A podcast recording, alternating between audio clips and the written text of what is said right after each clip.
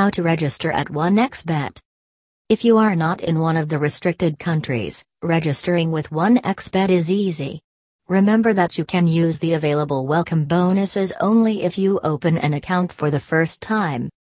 To register means simply to confirm your name, place of residence, etc. In most countries, you will not be required to provide proof of identity when registering. However, please note that 1xBet reserves the right to request documents from you when withdrawing money from your account.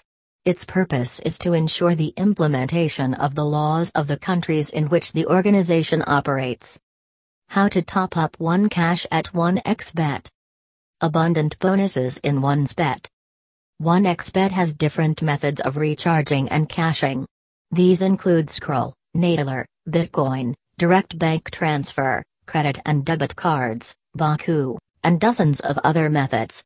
This is one of the few sites that does not allow you to top up or cash in via PayPal, which is not a big loss due to the many other options available to you. Recharging your account is very easy. Choose your payment method, the amount will be immediately available on the website. Recharging is free,